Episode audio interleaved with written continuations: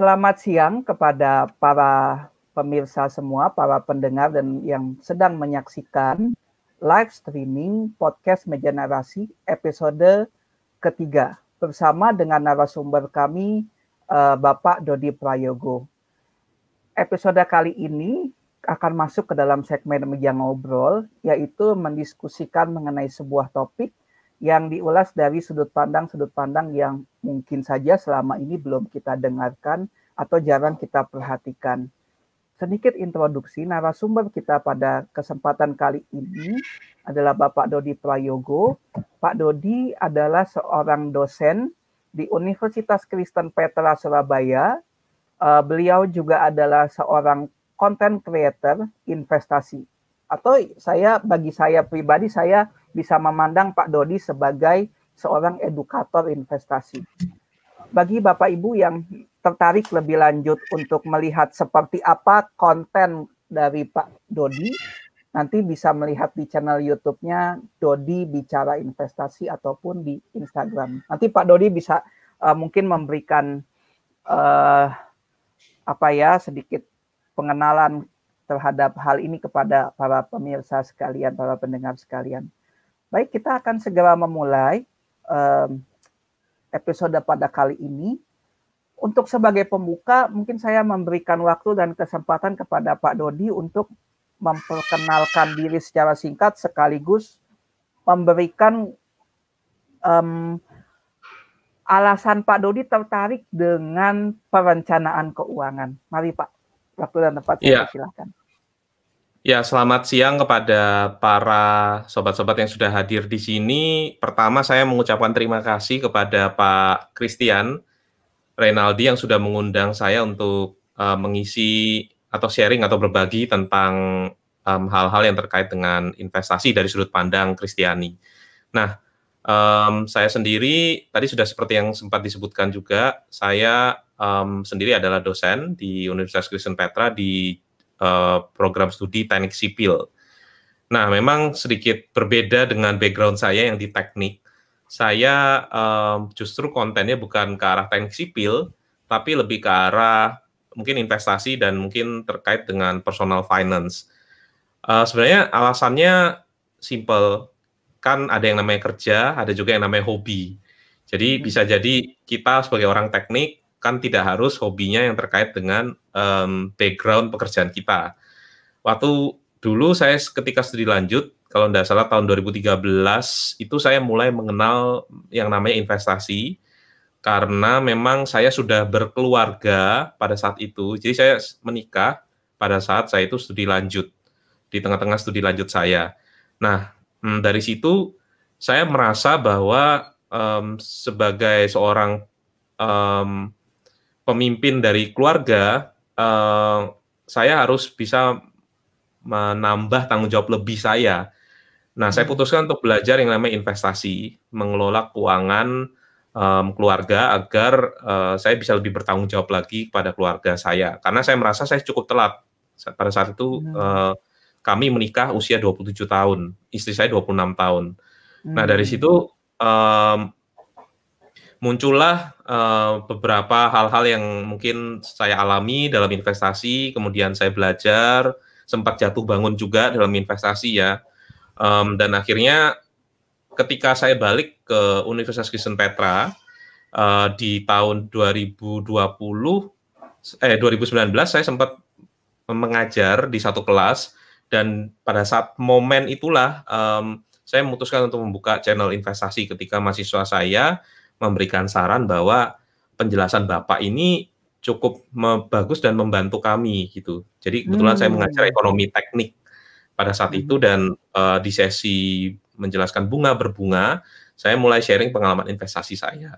Dan pada saat itulah saya ya coba riset-riset, uh, belajar uh, editing video, belajar recording, hmm. um, ya mulai dengan perlengkapan seadanya untuk mem membuat channel uh, ini dan ya puji Tuhannya sampai saat ini um, channel ini bisa tetap um, setiap minggu bisa berbagi konten-konten yang terkait dengan edukasi investasi. Kurang lebih begitu Pak Christian. Oke, jadi kurang lebih uh, agak karena kecelakaan gitu ya Pak ya. karena keadaan sepertinya Pak Dodi ingin berbuat lebih untuk keluarga, jadi Pak Dodi tertarik menekuni tentang perencanaan keuangan gitu ya Pak, khususnya investasi. Betul sekali Pak. Hmm, karena okay. memang menik ya kan um, ketika menikahnya itu di tengah kuliah kan uh, kita merasa kalau harus melakukan sesuatu, harus mempersiapkan sesuatu. Betul. Kurang lebih seperti betul. itu. Biasanya kan kalau studi lanjut itu pemasukan otomatis berkurang gitu ya Pak ya. Betul. Ya tidak bisa kita seperti full time kalau seandainya kita kerja. Memang pada saat studi lanjut itu kita uh, dari kampus saya, kami juga beruntung uh, bisa mendapatkan beasiswa. Jadi hmm. um, selain beasiswa, uang kuliahnya uh, memang ditanggung oleh uh, kampus kampus NTUST maksud saya, kita juga diberikan kayak semacam uang dari grup research-nya uh, tempat saya itu studi. Nah, itu masih hmm. bisa untuk men mencukupkan kebutuhan kami dan ya bisa ditabung sedikit. Hmm. Kurang lebih seperti itu, Pak. Oke, oke.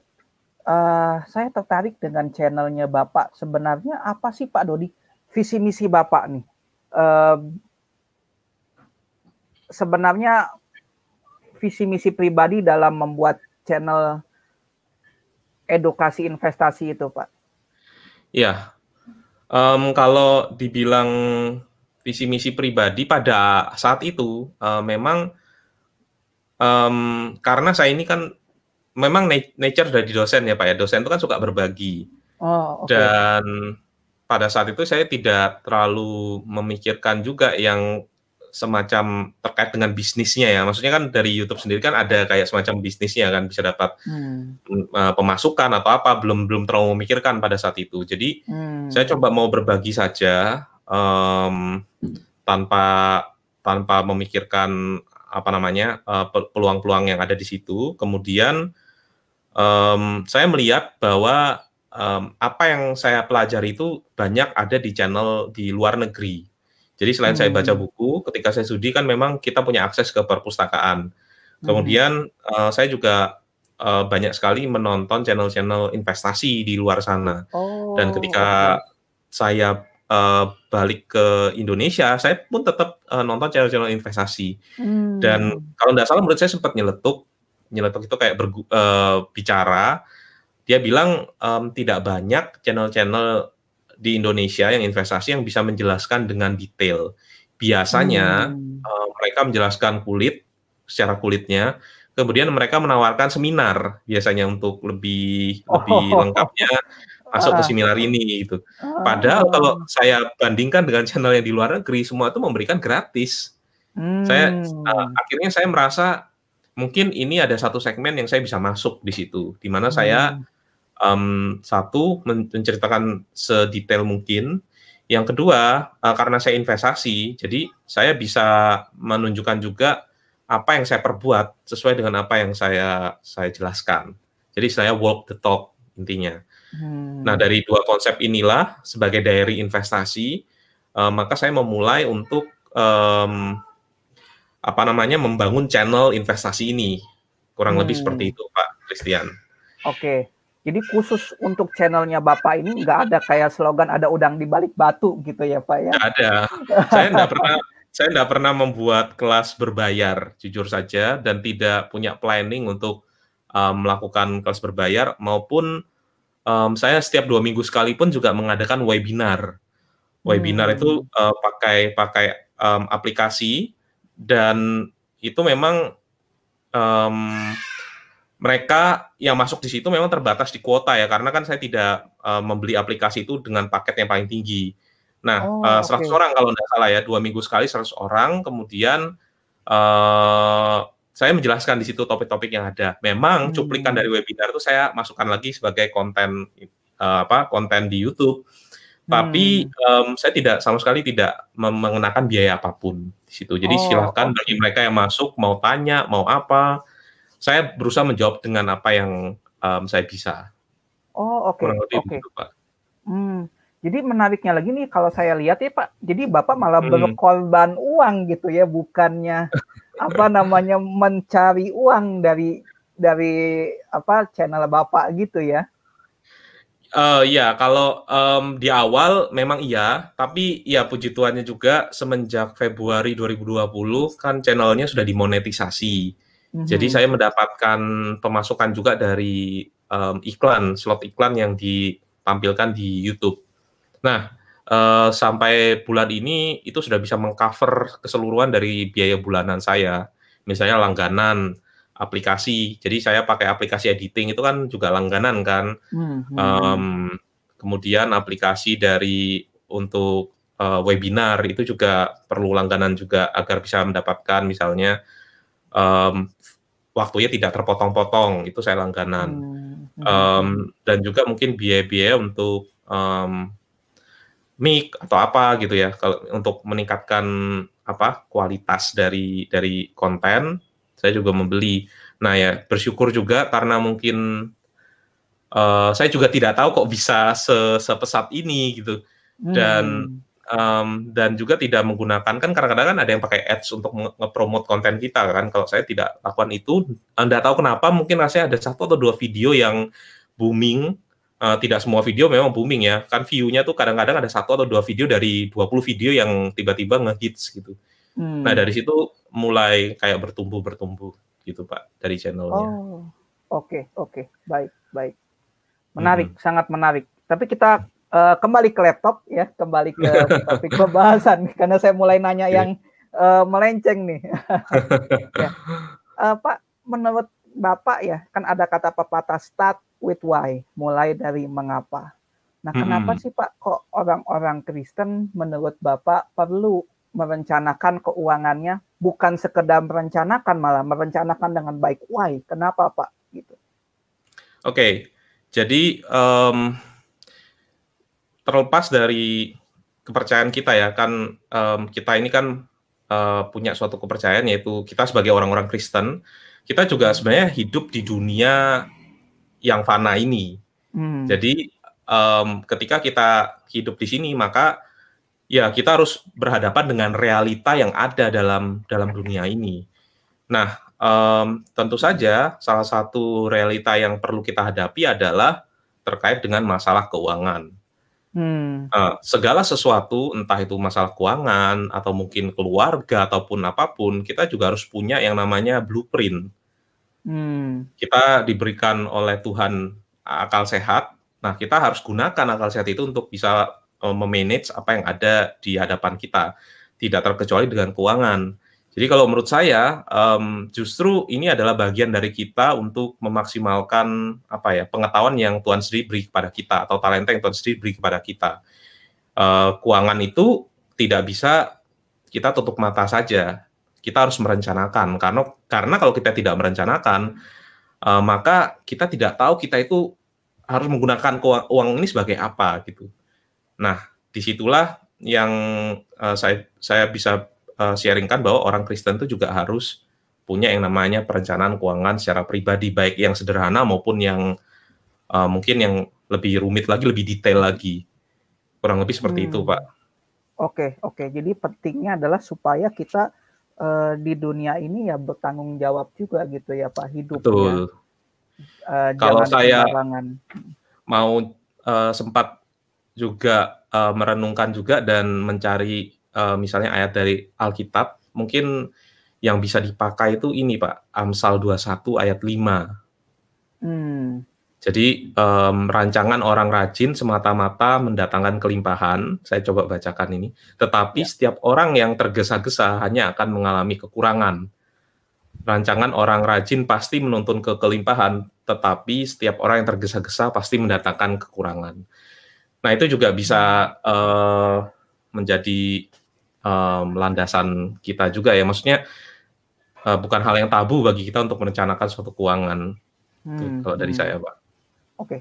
Nah, Pak, ketika kita kan mulai dari why ya, dari mengapa hmm. gitu. Tapi sering kali tuh yang terjadi bukan hanya dalam uh, perencanaan keuangan, tapi banyak dalam area kehidupan yang lain adalah ada um, blocking-blocking di dalam pemikiran kita tuh kayak ada pertanyaan hmm. hambatan-hambatan gitu mana beberapa hmm. yang saya temukan itu misalnya gini Pak ada omongan seperti ini kalau saya merencanakan keuangan saya dengan berinvestasi, bukankah ini sama saja saya tidak mempercayai kuasa Tuhan di masa depan gitu?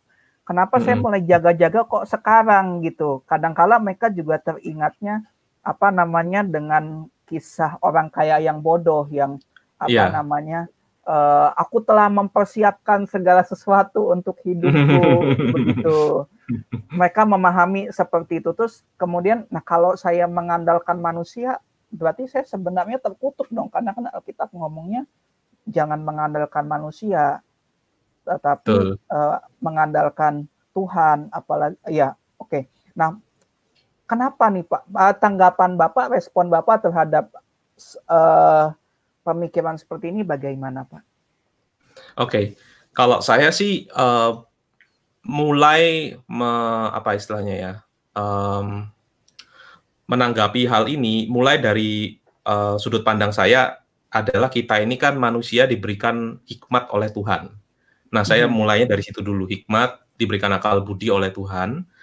Dan hmm. Dari situ kita harus bisa berpikir uh, dan bersikap, menganalisa hmm. segala macam segala sesuatu.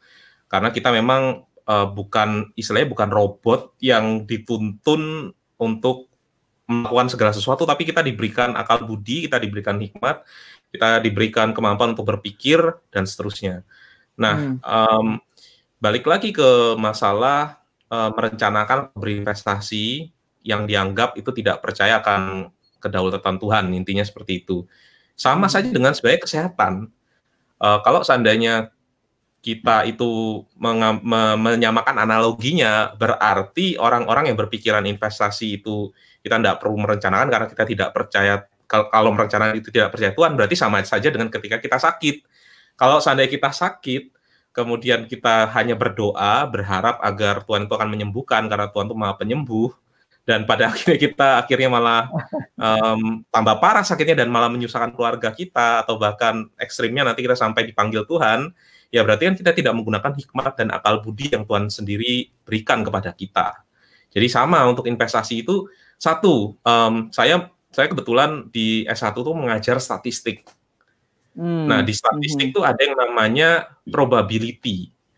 Atau hmm. kita, kita jadi ketika mungkin kita belajar statistik kita jadi tahu kalau hidup itu penuh dengan ketidakpastian. Salah satu-satunya yang pasti hmm. dalam hidup ini itu adalah ketidakpastian.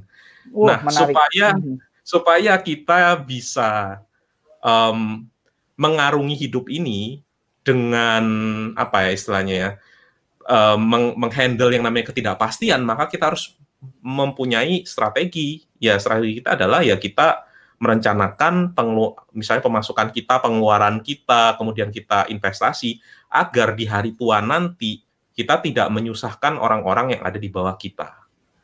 Intinya seperti hmm. itu. Kita kan tidak mungkin kan ketika tua nanti mau bergantung mungkin kepada anak kita atau apa hmm. uh, atau bahkan kita tidak bisa mempersiapkan anak kita nantinya ketika mungkin anak kita nanti mau kuliah kita tidak ada uangnya. Nah, hmm. justru itulah uh, kalau menurut saya hikmat yang Tuhan berikan kepada kita kita harus gunakan. Dan hidup hmm. itu bukan sesuatu yang pasti, ada ketidakpastian. Nah, um, kalau kita merasa oke okay, kita dapat uang, ya udahlah kita habiskan aja, kita inikan aja, toh nanti ya juga dapat uang gitu nanti di hmm. uh, berikutnya, atau kita berharap rezeki kita akan naik terus. Menurut saya itu juga bukan hal yang bijak kalau menurut saya ya. Jadi hmm itu adalah bagian strategi kita sama seperti tadi mungkin kita sakit uh, strategi kita adalah kita mungkin berobat atau datang ke dokter untuk dibantu memeriksakan sama dengan oh, investasi kurang lebih seperti itu Pak Christian. Oke. Okay. Jadi Bapak Ibu mulai memikirkan eh pendengar sekalian ya, sobat-sobat sekalian mulai memikirkan kalau uh, misalnya oh saya nggak mau investasi, saya nggak mau merencanakan keuangan berarti kalau sakit jangan ke dokter, jangan makan obat.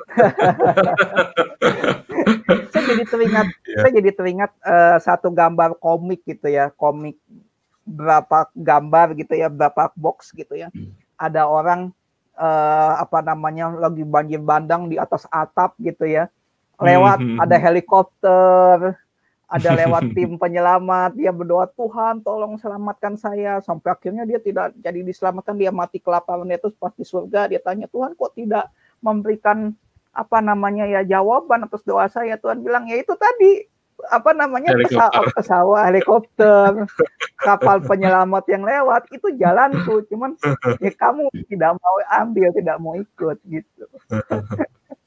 Iya. Jadi kita jangan terlalu apa ya terlalu close minded juga kalau menurut saya. Setuju dengan hmm. Pak Christian tadi katakan.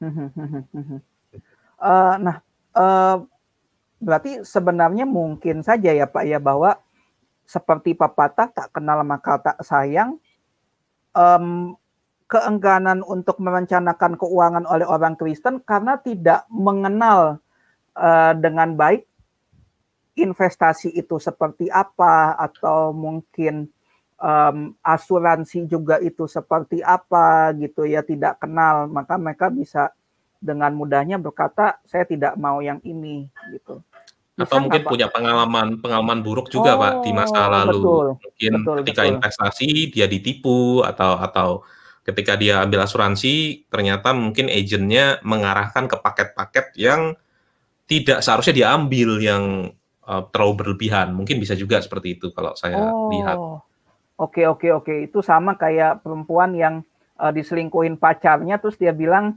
semua laki-laki sama saja gitu ya Pak. Nah, saya suka dengan analogi-analogi dari Pak Christian ini. ya gitu ya. Jadi kayaknya banyak nih apa ya kalau bicara tentang investasi agak mirip dengan memilih pasangan hidup gitu ya. Betul, Pak. Nggak jauh berbeda. Dan saya juga seperti tadi tertarik sih dengan oh iya ya ternyata merencanakan keuangan itu sama dengan kita merencanakan kesehatan kita dengan baik gitu ya, Pak ya. Betul. ya. Nah, mengenai asuransi ini nih Pak, hmm. uh, saya kok tertarik dengan bisakah Bapak sampaikan kepada sobat-sobat media narasi yang mendengarkan apa sih sebenarnya yang konsep dasar yang harus dipahami tentang asuransi dan apakah konsep dasar ini pun pada akhirnya tidak bertentangan dengan mengandalkan Tuhan gitu Pak? Oke, okay, um, jadi gini Pak, kalau asuransi ini memang kadang-kadang bagi kita yang tidak punya pengetahuan secara basic, itu kadang-kadang ketika kita ditawari oleh agent asuransi, itu kadang-kadang kita uh, merasa gimana gitu. Jadi uh, basicnya asuransi itu sebenarnya adalah proteksi. Jadi hmm. itu yang paling inti dari asuransi adalah proteksi. Nah terlepas hmm. uh, pada saat ini perusahaan asuransi itu suka membandling proteksi ini dengan investasi itu adalah hal yang lain. Kalau saya sendiri sih saya berusaha sebisa mungkin untuk mencari asuransi yang pure proteksi, investasi hmm. saya kelola sendiri. Alasannya hmm. kenapa? Tidak uh, tahu ini mungkin bisa jadi sedikit kontroversi atau gimana. Uh, hmm. Tapi biasanya kalau seandainya uh, proteksi tersebut dibanding dengan investasi, uh, investasi yang kita tanamkan di paket asuransi tadi itu akan banyak mendapat potongan pertama nanti dipotongkan ke komisi dari agent, kemudian dipotongkan lagi untuk biaya si uh, asuransinya sendiri. Belum lagi ketika si asuransi itu tidak punya tim investasi sendiri, dia masih operkan lagi ke ya manajer investasi seperti reksadana dan yang lainnya itu juga ada potongan lagi. Jadi potongannya itu berlipat-lipat. Jadi saya memang sukanya yang full proteksi, tapi itu terserah lah, itu terlalu teknis. Itu mm -hmm. saya rasa yang penting itu adalah kita punya proteksi itu terlebih dahulu. Nah, sebenarnya konsep asuransi itu sebenarnya mirip juga ketika kita membeli mobil. Kalau seandainya kita membeli mobil baru gitu, biasanya kan kita ditawarkan asuransi. Nah, hmm. um, kita biasanya tanpa pikir panjang ya kita beli asuransinya karena kan kadang-kadang mobil itu ditawarkan juga satu paket dengan asuransinya. Fungsi asuransi ini apa sih? Jadi kalau asuransi ini adalah ketika kita mengendarai mobil, sama hidup ini kan uh, konsepnya kan penuh dengan ketidakpastian kita ini mungkin bisa saja 20 tahun mengendarai mobil tidak pernah kecelakaan, tapi hmm. uh, suatu ketika kita kecelakaan dan kecelakaan itu parah. Nah, hmm. menyebabkan malah um, ketika kita harus perbaiki mobilnya kita, bahkan kita harus mengeluarkan biaya yang sama dengan mobil itu sendiri. Nah, hmm. konsep dari asuransi itu adalah um, dia akan memberikan premi uh, yang isinya adalah proteksi akan um, kerusakan dari mobil tersebut. Nah, kadang uh, perusahaan asuransi itu kan akan memberikan ke banyak mungkin ya, mungkin 100, saya anggap 100 mobil gitu. Kadang dari 100 mobil itu mungkin ada dua atau tiga yang pada tahun itu terjadi kecelakaan. Nah, dia akan hmm. menarik premi-premi tersebut. Dia pasti punya hitung-hitungannya ya, ada tim statistiknya pasti dengan berbagai macam probabilitas. Intinya ketika ada yang kecel, ada yang kecelakaan dari 100 mobil tadi dan dia harus cover biayanya, biaya premi yang dikumpulkan dari 100 mobil itu masih lebih besar daripada biaya yang diberikan untuk mereparasi mobil. Oh. Itu bisnis dari asuransi. Sama hmm. juga dengan kita. Kalau seandainya kita itu memang sehat-sehat aja, kita memang rugi membayarkan premi asuransi.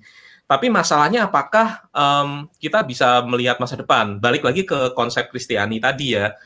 Um, kita diberikan hikmat dan akal budi. Asuransi adalah wujud dari akal budi kita atau hikmat kita um, untuk bukan berarti kita tidak percaya akan perlindungan Tuhan, tapi setidaknya ya kita cobalah gunakan nal nalar kita sedikit karena kita tahu hidup itu penuh dengan ketidakpastian. Bayangkan hmm. apabila seandainya kita tidak beli asuransi karena kita tidak mau penyertaan Tuhan, tiba-tiba ini tidak ya ini contoh aja ya Pak ya, tiba-tiba mungkin um, kita mengalami saat suatu sakit yang ternyata mem membuat kita itu bed rest, kemudian kita akhirnya di PHK misalnya karena kita tidak memang pekerjaan kita tuh harus kita ada di dalam um, kantor kita Uh, dan kita tidak punya pemasukan apa-apa dan kita harus masih menanggung biaya rumah sakit, biaya pengobatan dan seterusnya. Hmm. Nah itu hmm. malah justru kita tidak bertanggung jawab kepada keluarga kita dengan kita hmm. tidak misalnya membeli um, asuransi tadi gitu ya. Tapi kalau memang itu tidak terjadi ya memang um, ya tidak terjadi apa-apa ya perusahaan asuransi itu akan setiap tahunnya akan menerima premi dari kita gitu. Nah asuransi ini hmm. kita istilahnya kita tidak mau uh, ketidakpastian di masa depan itu um, sampai membuat kita itu akhirnya harus berada di titik terendah kita. Nah, itu guna hmm. dari asuransi. Hmm. Itu kurang lebih Pak kalau dari saya Pak tentang hmm. asuransi. Um, saya lebih memandangnya bukan kita tidak percaya akan kedaulatan Tuhan atau penyertaan Tuhan, tapi lebih ke arah kita diberikan hikmat dan akal budi oleh Tuhan. Dan salah satunya adalah kita dealing dengan uncertainty tadi dengan dengan membeli asuransi untuk memprotek hidup kita. Hmm, oke. Okay, okay. Dari nah, sisi saya, finansial ya, sisi finansial. Hmm. Nah saya jadi teringat nih, saya nggak tahu nih kebetulan atau enggak ya. Uh, hmm. Beberapa hari ke belakang itu saya membaca Alkitab tentang kisah Daud yang mempersiapkan segala sesuatu untuk pembangunan bait suci. Hmm. Tapi pembangunannya dia dia persiapkan supaya nanti Salomo ketika naik menjadi raja uh, dia apa namanya tidak lagi kesulitan untuk untuk apa namanya untuk membangun bait suci. Nah, kok saya jadi ngeliat ya, oh ini mirip loh ternyata gitu. Nah, jadi bagi sobat meja narasi yang mungkin ragu dengan asuransi, jangan-jangan ya, jangan-jangan, jangan-jangan saya berasumsi uh, tidak membaca kisah ini nih bahwa oh ada nih apa namanya kisah yang seperti mempersiapkan ya ada proteksi hmm, terhadap masa depan gitu dan ketika hmm. bicara tentang Daud kok saya jadi ingat juga oke okay, dia memang sukses menang perang karena dia bilang itu adalah penyertaan Tuhan. Tapi kalau kita melihat kisah Daud itu Daud itu dikelilingi oleh pahlawan-pahlawan yang gagah perkasa. Jadi dia juga nggak sembarangan pilih prajurit pilih tentara gitu. Jadi pertanyaannya apakah mungkin kita salah ketika memisahkan antara eh, apa namanya memisahkan antara akal budi kita dengan penyertaan Tuhan apakah dua-dua itu ternyata harus berjalannya itu berdampingan nah itu silahkan hmm. sobat-sobat meja narasi sendiri yang memutuskan gitu ya hmm. Nah, Pak Dodi menarik dengan pertanyaan asuransi, tapi ada satu lagi juga yang sering disalahpahami oleh orang orang kebanyakan dan secara khusus orang Kristen adalah saham disamakan dengan judi. Judi. Menurut Bapak, uh, bagaimana menurut Bapak nih? Karena kan mereka pikirnya kalau saham itu ya judi, berarti aku nggak boleh masuk dong, gitu. Karena kan berjudi itu dilarang oleh Firman Tuhan. Gitu. Nah, uh, menurut Pak Dodi, penyamaan ini benar atau salah? Gitu. Oke. Okay dan alasannya. Ini, ini merupakan sesuatu yang memang juga dibahas oleh banyak orang juga ya. Kalau kita lihat um, mungkin um, web atau blog atau apa, mesti juga ada pembahasan apakah saham itu judi. Nah, ini saya coba menceritakan dari sudut pandang saya sendiri. Um, sebenarnya saham itu ada dua, uh, ada dua tipe untuk uh, orang-orang itu memandang suatu saham. Tipe yang pertama adalah um, kita bisa bilang itu adalah trader atau atau trading. Jadi kalau yang namanya trader itu adalah sama dengan orang yang misalnya kita ke marketplace, kita beli barang, kita jual barang. Nah, itu adalah trader. Ada juga yang menganggap saham itu ya hanya se sebuah barang aja yang bisa diperjualbelikan. Nah, karena nature dari ketidakpastian dari saham, karena di saham itu kan ada mungkin ribuan orang yang ada di situ setiap hari melakukan transaksi. Bisa jadi ketika di, dia beli, kemudian analisa salah, terus kemudian dia jual, terus dia rugi. Um, tipe kedua itu adalah tipe yang menganggap saham itu adalah bisnis dari suatu di balik saham itu adalah ada yang namanya bisnis. Nah, uh, tentu saja ketika sobat meja narasi itu berbisnis, pasti juga ada yang namanya kepemilikan. Kepemilikan itu mungkin bisa di, uh, dimiliki oleh 100% oleh kita sendiri atau kita bagi-bagi. Mungkin saya 50%, kemudian saya ngajak Pak Kris uh, 50% juga Nah, kepemilikan itu adalah kita bisa bilang adalah saham. Jadi untuk yang tipe kedua kita investasi itu saya sarankan memang bukan yang tipe pertama yang kita cuman mau beli berharap untung kemudian kita jual dan seterusnya. Tapi kita menganggap saham itu adalah suatu perusahaan uh, yang kita itu percaya bahwa bisnisnya itu akan bertumbuh. Nah, hmm. um, kalau seandainya kita tidak punya mindset yang kedua, maka kita bisa jadi menganggap saham itu adalah judi karena um, kita akan sering sekali masuk ke aliran yang mengatakan bahwa beli saham ini akan untung 100% dalam satu bulan gitu. Atau beli saham hmm. B dalam waktu tiga hari akan naik 20%. Nah, karena kita hmm. punya mindset yang salah terhadap saham, kita anggap saham itu adalah barang yang diperjualbelikan. Ya sama saja dengan uh, saya coba mengambil contoh um, yang waktu uh, pandemi ini ya kan heboh-hebohnya orang nyetok masker ya Oh, ya saham itu bisa okay. jadi disamakan dengan masker karena uh, orang yang tipe pertama beranggapan bahwa saham ini adalah barang sama seperti masker, sanitizer dan seterusnya. Orang berusaha untuk membeli masker dengan harapan bisa menjual di harga yang tertinggi. Tapi ketika ada suatu kebijakan atau mungkin ada masker kain yang mulai masuk di situ, harga masker ngedrop. Ya kalau menurut hmm. saya itu bisa hmm. dibilang judi atau spekulasi ya. Kalau kita istilahnya itu spekulasi, kita membeli suatu barang dengan adanya harapan barang itu akan naik tanpa kita tidak tahu um, hmm. apa yang dibalik barang tersebut gitu. Padahal kalau kita nilai mungkin masker tersebut harganya nah, mungkin tidak layak lah di harga sampai 10 kali lipat daripada harga pada saat itu. Nah, hmm. balik yang kedua, kita harus menganggap saham itu adalah suatu perusahaan yang akan bertumbuh. Saham itu membagikan juga dividen atau um, hasil usaha yang nanti kita bisa terima setiap tahunnya. Dan uh, yang namanya perusahaan ya pasti ada jatuh bangun, itu pasti kecuali memang perusahaan yang sangat amat bagus gitu ya. Um, dan itu wajar gitu ketika seandainya mungkin pada saat uh, di enam bulan saat ini pada saat pandemi ini kinerjanya mungkin turun ya selama kita merasa kinerja jangka panjangnya tidak berubah ketika pandemi ini misalnya pulih ekonomi pulih maka perusahaan tersebut akan kembali lagi beroperasi seperti semula dan bertumbuh kembali maka ya kita tidak terlalu pusing dengan pergerakan harga yang hmm. pada saat ini bisa mungkin turun, terus kemudian kita dalam hati mungkin mengumpat ya istilahnya saham ini kok kayak gini ya beli masuknya naik pada akhirnya turun. Nah, jangan jangan kita fokusnya tuh ke pergerakan harga tapi ke arah performa bisnisnya. Sama seperti kita misalnya membeli franchise dari suatu bisnis gitu. Um, nah, itu enaknya kalau kita usahakan kita tidak dihadapkan pada setiap harinya tuh hmm. harga-harga harga usaha yang kita hmm. beli kan. Nah, hmm. kalau saham kita dipaksa untuk melihat berapa harga perusahaan itu setiap hari. Kalau kita hmm. membeli franchise misalnya apa gitu ya, kopi kekinian gitu ya atau bubble tea gitu. Kita hmm. tidak dilihatkan pada harga-harga harga setiap harinya. Pada suatu bulan memang bisa jadi omsetnya turun karena entah sesuatu ya, misalnya mungkin um, banyak hari libur sehingga um, misalnya tuh, uh, kita tidak bisa beroperasi atau gimana. Nah, kalau di saham memang setiap hari kita dihadapkan pada harga-harga ini. Nah, jadi ketika kita masuk saham, uh, investasi di saham, jangan bayangkan itu adalah harga, tapi bayangkan itu adalah di balik itu adalah perusahaan. Itu kalau dari hmm. saya, Pak Pak Kris. Semoga nah, tidak terlalu panjang penjelasannya.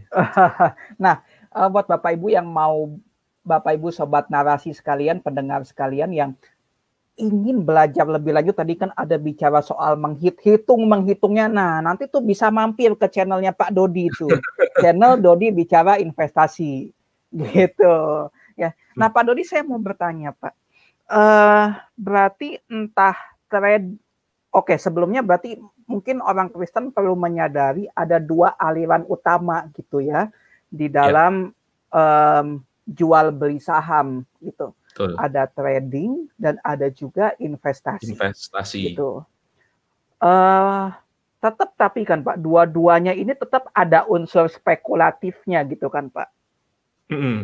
Jadi Biarpun kalau investasi um, sekalipun gitu ya. Betul. Uh, unsur spekulasi di dalam investasi itu lebih ke arah bukan spekulasi juga ya, lebih ke arah ketidakpastian. Kita bisa uh, beranggapan kalau kita misalnya ya membeli saham dari suatu bank gitu, bank besar yang hmm. ada di Indonesia. Hmm. Kita berharap kita melihat dari performa dia di 5 sampai 10 tahun ke belakang sebelumnya hmm. itu labanya naik terus. Hmm. Nah, boleh dong kalau kita menganalisa di suatu bisnis kalau seandainya track record di 10 sampai 20 tahun terakhir bank ini terus bertumbuh, kita tahu hmm. produknya, ya kita bisa saja berharap kalau di 5 sampai 10 tahun ke depan ketika saya invest atau ketika saya miliki bisnis dari perusahaan ini, maka dia juga akan bisa bertumbuh.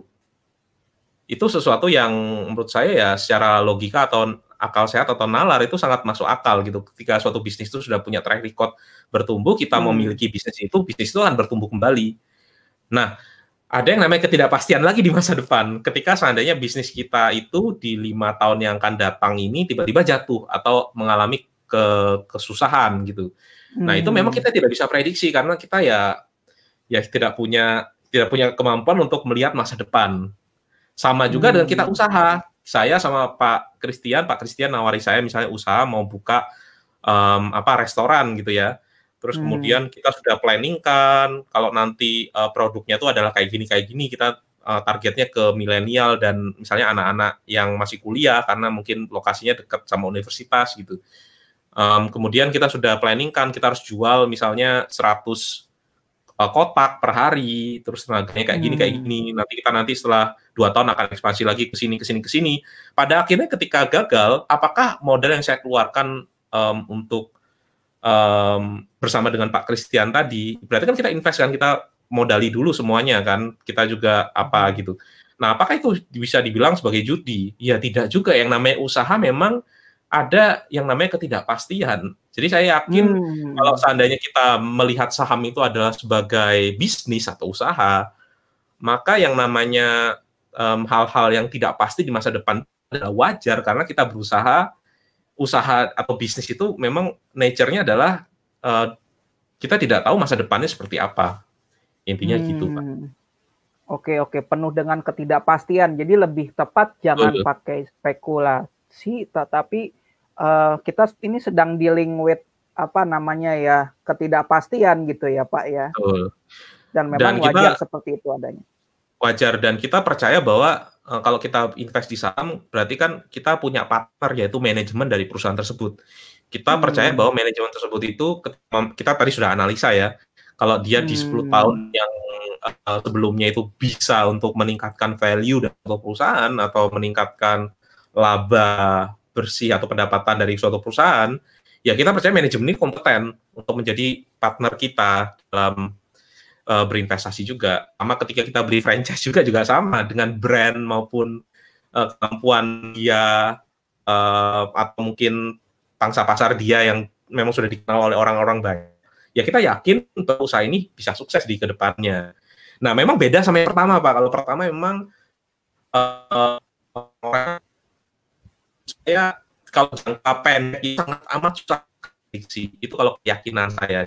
Jangka pendek itu susah sekali untuk diprediksi dan bahkan kadang-kadang orang itu hanya mendengarkan rekomendasi dari orang lain saja. Misalnya dia ikut join di suatu grup berbayar, kemudian orang bilang, nah saham ini akan naik ya 20% gitu dua hari lagi.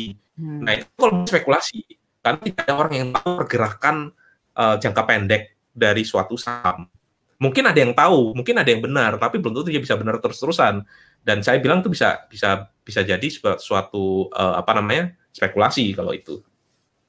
Oh, itu kalau dari okay. saya.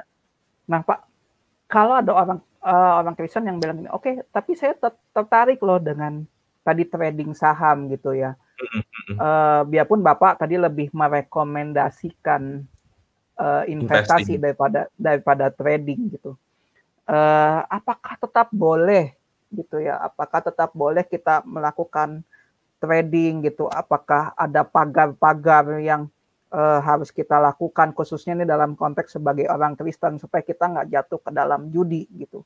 Oke. Okay. Nah, ini pertanyaan yang lebih rumit lagi mungkin. Hmm. Kalau tadi kan perumpamaan saya adalah kita itu ikut uh, rekomendasi orang lain. Saya bisa bilang hmm. itu adalah spekulasi di trading. Hmm. Hmm. Nah, memang ada suatu um, ilmu yang mencoba untuk mempelajari pergerakan harga saham secara jangka pendek. Hmm. Um, dan ketika kita trading, maka ketika kita trading itu sebenarnya trading itu kan apa pun barangnya um, selama yang trading itu kan cuma beda barang Jadi misalnya trader mobil, trader second, ada juga trader di marketplace, trader barang-barang sebagainya gitu, masker mungkin atau sanitizer. Yang yang ini objeknya adalah saham. Nah, di saham itu memang seperti barang lain. Kadang-kadang ada yang saham itu yang trennya itu sedang naik atau juga ada misalnya trennya itu sedang turun, tren harga ya. Nah, hmm. itu memang ada ilmu yang mempelajari tentang pergerakan tren dari suatu saham, entah dia memakai um, indikator misalnya, ya ini teknis ya kayak candle atau mungkin kayak indikator-indikator lain atau mungkin pattern. Nah, itu kalau seandainya memang kita secara disiplin um, menerapkan ilmunya dan apa namanya kita itu memang profesional di bidang itu hanya sekedar coba-coba atau sama sekali. Kan ada beberapa trader yang memang mendedikasikan waktunya untuk menjadi trader for living. Dengan membeli hmm. monitor empat monitor dia belajar dia analisa. Kalau pada seandainya dia itu memang disiplin sesuai dengan ilmunya dan tahu apa yang dia lakukan ya menurut saya balik lagi dia sama dengan trader barang lain. Misalnya jual HP kan bisa jadi ketika kita beli HP ternyata harganya ngedrop karena bukan lagi kemudian kita jual rugi. Nah, kalau kita hmm. memang tahu ilmunya belajar ilmunya bisa bisa saja. Tapi saya merasa itu sangat susah sekali dipelajari. Itu kalau menurut saya. Nah yang hmm. spekulasi tadi adalah ketika orang itu tidak belajar ilmunya hanya mendengar-dengar saja bahkan teman misalnya mungkin WhatsApp pagi-pagi saham ini naik loh nanti 5% karena ada berita ini. Itu spekulasi kalau menurut saya.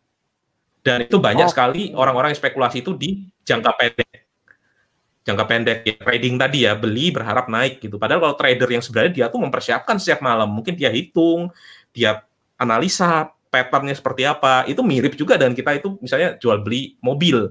Ada beberapa mobil yang kita lihat trennya ini akan naik ya kita beli secondnya nanti kita jual ke orang lain gitu. Tapi ada juga pada pada kalanya yang dia itu harus jual rugi karena trennya lagi turun.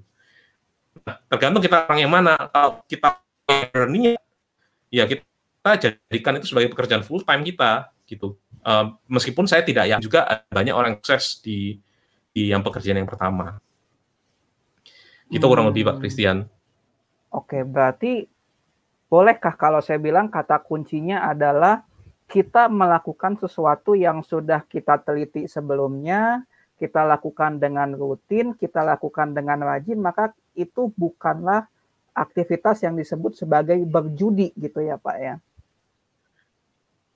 Betul. Yang judi itu yang sekedar kita tidak tahu apa-apa, kita nyoba masuk, tidak ada beda um, berjudi karena kita tidak tahu hmm. apa yang kita hmm. lakukan.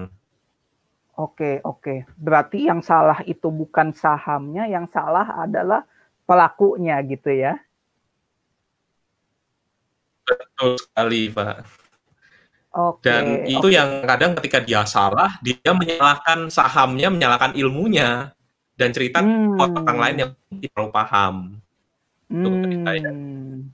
Oke oke, ini satu insight yang menarik buat saya gitu dan saya harap juga insight yang menarik bagi sobat meja narasi sekalian. Jangan takut untuk uh, membeli hmm. saham, terutama apalagi kalau berinvestasi dan jangan lupa kalau berinvestasi tadi sesuai penjelasan dari Pak Dodi berarti ada penelitian yang kita lakukan sebelumnya. Kita selidikin dulu, ini bagus enggak, ini benar enggak.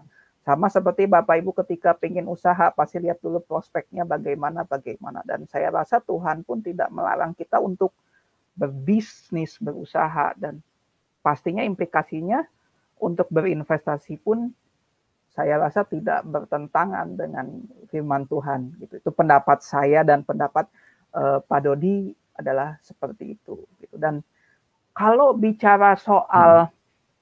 ketidakpastian, saya kok jadi teringat dengan Yohanes Pembaptis yang juga pernah meragu uh, meragukan Tuhan Yesus gitu ya dibilang apakah engkau adalah Mesias gitu dan sebagainya. Ketidakpastian hmm. itu juga tidak masalah loh bagi orang Kristen dalam sudut pandang saya gitu ya. Dan apa namanya Tuhan Yesus pun menjawab dengan memberikan indikator-indikator. Saya nggak tahu apakah bisa apple to apple, tapi kayak semacam bagi saya uh, itulah indikator ketika kita oh saya pilih saham ini, saya pilih bisnis ini, saya mau mengerjakan usaha A, B, C gitu. Nah seperti itu ya.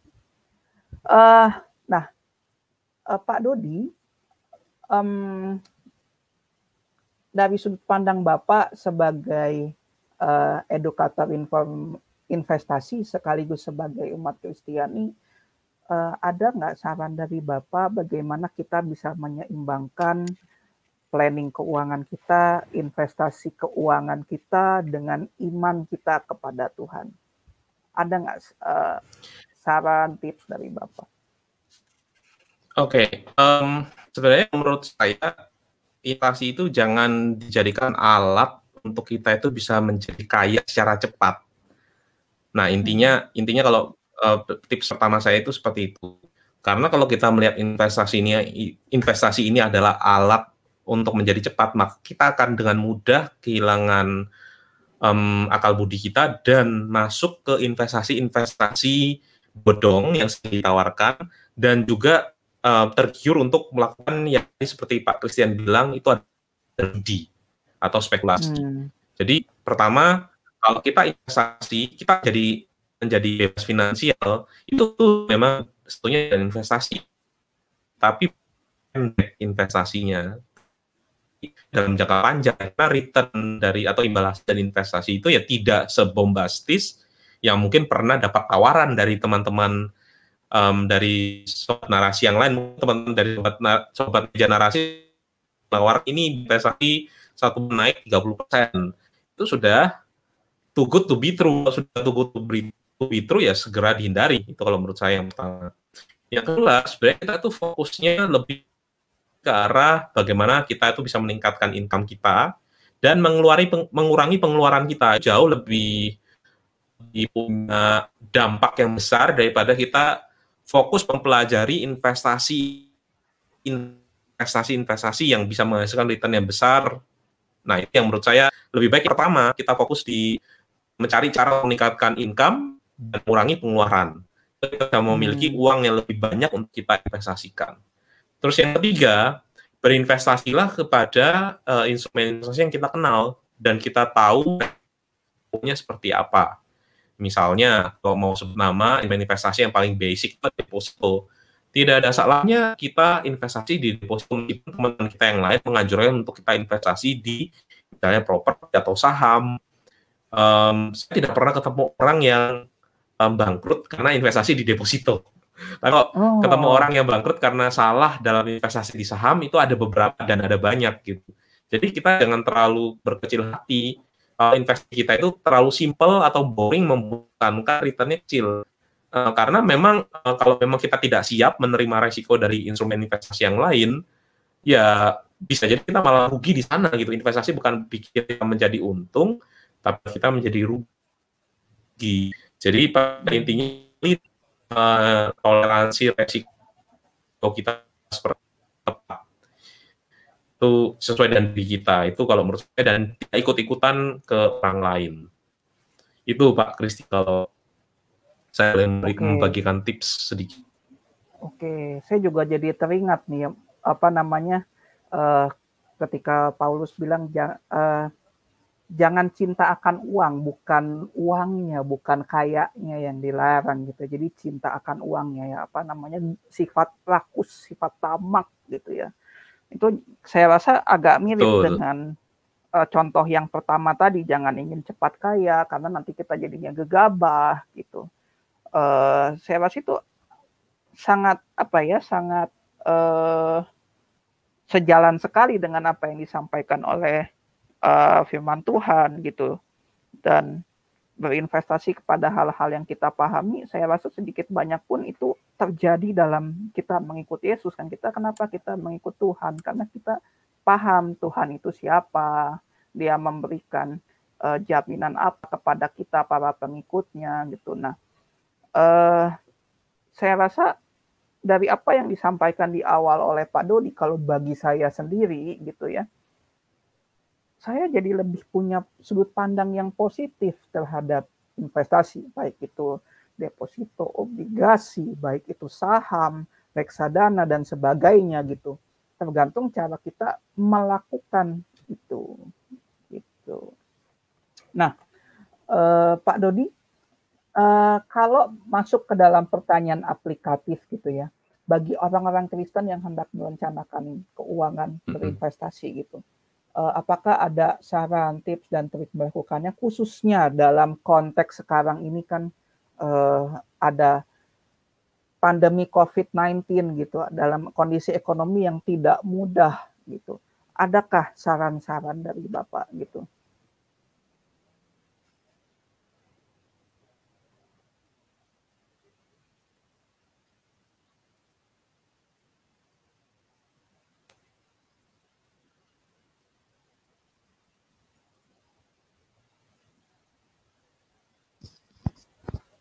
Uh, mohon maaf sobat narasi sekalian, Pak Dodi sepertinya sedang sedang ada gangguan.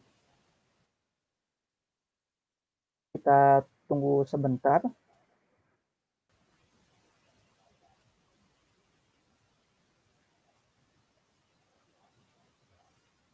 Oke, Pak Dodi sudah masuk kembali. Iya, halo. Iya. Oke, uh, saya ulangi kembali ya Pak ya. Uh, bagaimana uh, iya. berinvestasi. Putus ya Pak ya tadi ya Pak ya. Sorry, Iya terputus. tidak apa-apa. Uh, bagaimana Pak ada tips dan trik tidak untuk hmm. um, para sobat meja narasi berinvestasi di tengah-tengah kondisi ekonomi yang tidak mudah seperti sekarang?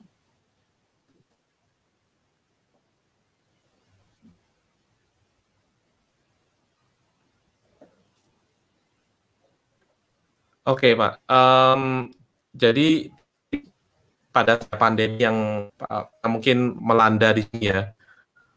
Um, halo, dengan halo, ya, Pak Christian. Dengar Pak, dengar. Agak terputus tapi tidak Pak, masih cukup lancar Pak.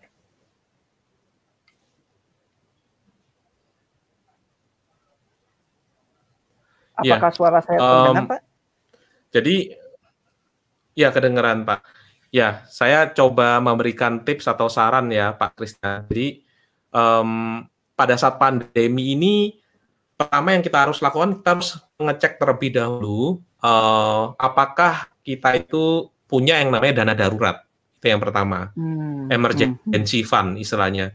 Jadi emergency fund itu adalah dana yang sebenarnya kita tidak mau pakai, tapi mungkin hmm. ada suatu kondisi di mana uh, kita harus mau tidak mau mengeluarkan dana tersebut. Hmm. Karena kondisi pandemi ini kan akan punya banyak dampak ya. Misalnya bagi kita sebagai karyawan, mungkin kita hmm. uh, was-was apakah perusahaan tempat kita bekerja ini bisa survive atau tidak. Nah, hmm. itu yang pertama. Nah, bayangkan hmm. ketika seandainya kondisi paling jelek, uh, perusahaan tidak bisa survive dan kita harus mungkin uh, dirumahkan, maka apakah kita punya enggak cadangan uang untuk kita itu bisa um, hidup gitu. Nah, dana darurat ini biasanya banyak sekali teori, tapi ada yang mengatakan bahwa setidaknya punya 3 sampai 12 bulan pengeluaran bulanan satu keluarga. Jadi kalau hmm. seandainya dalam satu keluarga itu mengeluarkan uang 5 juta, maka setidaknya kita harus punya 3 sampai 12 bulan. Berarti 3 kalikan hmm. 5 adalah 15 sampai 60 juta. Itu tergantung uh, angka 3 sampai 12 tergantung dari um, kita sendiri apa apakah kita bekerja di industri yang kena dampak atau tidak gitu. Nah, hmm. misalnya saya ambil tengah-tengah 6 ya, 6 kali 5 itu adalah 30 juta. Jadi mau tidak mau kalau saya kita tidak punya dana darurat 30 uh, 30 juta tadi, maka ya kita harus uh, masukkan semua penghasilan kita yang kita terima di bulan ini maupun bulan-bulan ke depan itu ke dana darurat. Dana darurat masukkanlah ke instrumen yang kalau bisa resikonya paling minim dan bisa dicairkan dalam waktu dekat, misalnya deposito hmm. atau reksadana pasar uang yang isinya memang deposito juga, atau mungkin tabungan, tabungan tapi yang mungkin kasih bunga yang tinggi, ataupun hmm. tabungan biasa yang bunganya tidak terlalu tinggi. Yang penting intinya ini dana-dana digunakan untuk ketika ada sesuatu yang darurat kita bisa tarik. Nah, barulah setelah kita penuhi dana darurat kita, kita bisa berinvestasi ke instrumen-instrumen investasi yang menarik pada saat ini. Jangan dibalik, hmm. kita masuk ke misalnya ya saham atau reksadana saham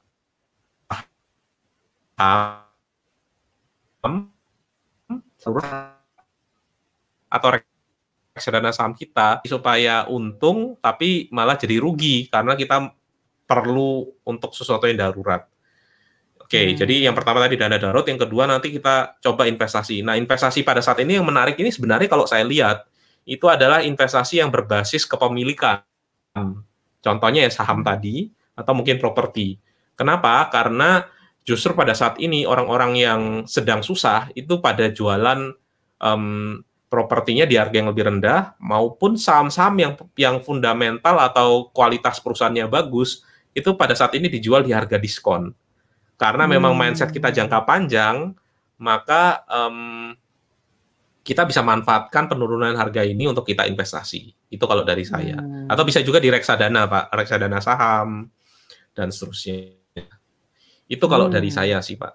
Tapi kalau misalnya oh. memang tidak tidak tidak kuat dengan saham juga naik turunnya saham, maksudnya sudah coba memang memang ada poten uh, ketika kita kuat ya balikkan lagi ke deposito atau reksadana yang lebih safe seperti reksadana pasar uang atau reksadana obligasi.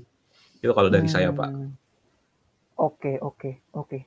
Uh, nah uh, jadi intinya adalah para sobat nara, meja narasi sekalian semuanya pertama milikilah dana darurat. Kita harus berusaha bagaimananya bagaimana caranya bisa ini terpenuhi 3 sampai 12 pengeluaran bulanan dan yang kedua, investasilah di instrumen investasi yang kalau bisa yang berbasis kepemilikan, tetapi berbalik lagi kepada setiap pribadi. Kalau memang tidak suka yang beresiko tinggi, masukkan ke deposito, masukkan ke uh, reksadana yang lebih safe, tidak masalah gitu. Ya, oke. Nah, uh, pertanyaan yang sebenarnya tadi terlewat Pak Dodi. Menurut Pak Dodi sebagai seorang edukator dan praktisi investasi hmm. gitu ya. Uh, bagi Bapak, apakah rohaniawan gereja, entahkah gembala atau pastor atau penginjil dan lain sebagainya, boleh tidak mereka berinvestasi gitu dari dari sudut pandang Bapak?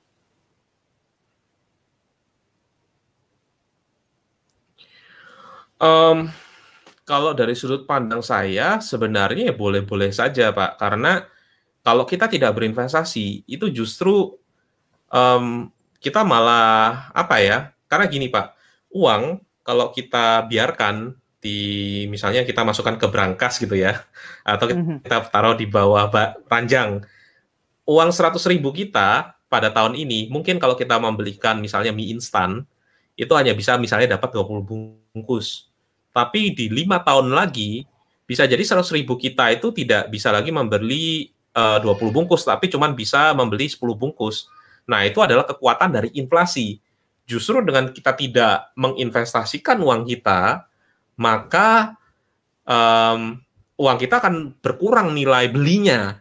Nah, itu kan justru hmm. salah kan, Pak. Maksudnya kita tidak bertanggung jawab hmm. kepada apa yang kita yang diberikan Tuhan kepada kita yaitu mungkin uang gitu kalau ada uang. Hmm. Nah, yang saya tidak sarankan adalah mencoba untuk berinvestasi yang resikonya tinggi atau bahkan hmm. menggunakan um, posisinya dia untuk malah menye, istilahnya menyebar-nyebarkan investasi yang beresiko tinggi tadi memberikan informasi yang yang salah itu yang tapi yang tidaknya di deposito yang paling simple atau di tabungan bank yang bunganya itu di atas inflasi. Gitu hmm. Pak Christian. Oke oke oke. Uh, malah kalau saya ya saya ingin mengemukakan satu uh, tantangan kepada sobat megenerasi yang lebih provokatif mungkin ya. Bukan hanya rohaniawan mungkin juga gereja perlu berinvestasi gereja sebagai uh, apa ya institusi gitu ya sebagai uh, ya satu institusi gitu. Perlu berinvestasi karena saya melihat ada beberapa gereja-gereja besar di luar negeri yang uh, uang persembahannya mereka taruh di dalam instrumen investasi. Seperti itu ya. Dengan harapan tujuan mungkin kalau ada masa darurat seperti sekarang orang yang full time bekerja di gereja tidak akan terpotong gajinya gitu. Karena kasihan juga kalau sampai uh, full timer yang ada di gereja terpotong gajinya di situasi kondisi ini. Bukankah gereja bisa lebih menolong uh, orang ketika uangnya diinvestasikan? Tapi ingat ya, investasinya bukan untuk keuntungan pribadi, tetapi untuk pekerjaan Tuhan. Nah, mungkin itu uh, pemikiran provokatif Betul. yang coba saya tawarkan kepada sobat meja narasi sekalian. Nah, uh, mengingat waktu yang sudah satu jam lebih sedikit, sepertinya kita harus segera mengakhiri. um, terakhir Pak Dodi, kalimat penutup apa yang hendak Bapak sampaikan kepada sobat meja narasi?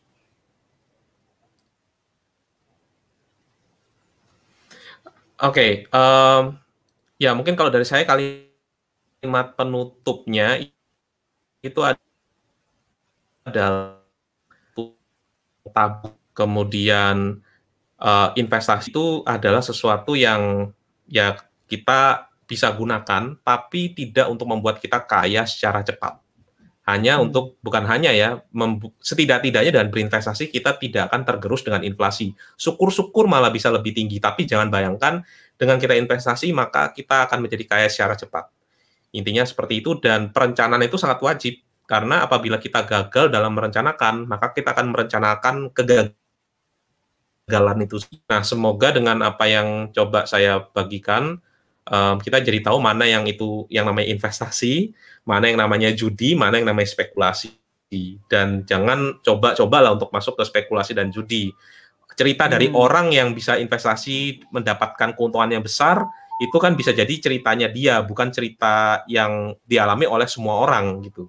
Hmm. Jadi um, saran saya tetap stick to the plan, investasi di instrumen yang kita ketahui yang resikonya mungkin sesuai dengan kita uh, dan jangan coba untuk um, membuat mencari investasi yang menghasilkan return yang tinggi tapi tidak tahu ada resiko di baliknya.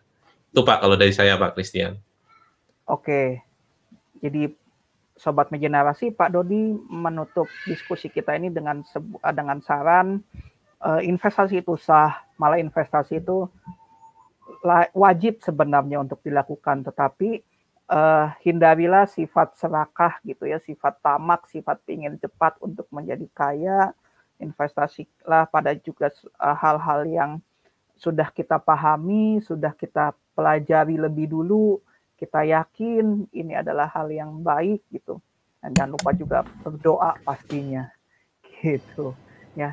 Uh, baik sobat meja narasi demikianlah episode ketiga pada kali ini dengan judul perencanaan keuangan perlukah orang Kristen melakukannya uh, apabila Bapak Ibu ingin ada pertanyaan atau diskusi boleh sampaikan di kolom komentar apabila Bapak Ibu atau pendengar sobat meja narasi juga terberkati boleh di like videonya, boleh di subscribe supaya tidak uh, ketinggalan dengan video-video menarik selanjutnya.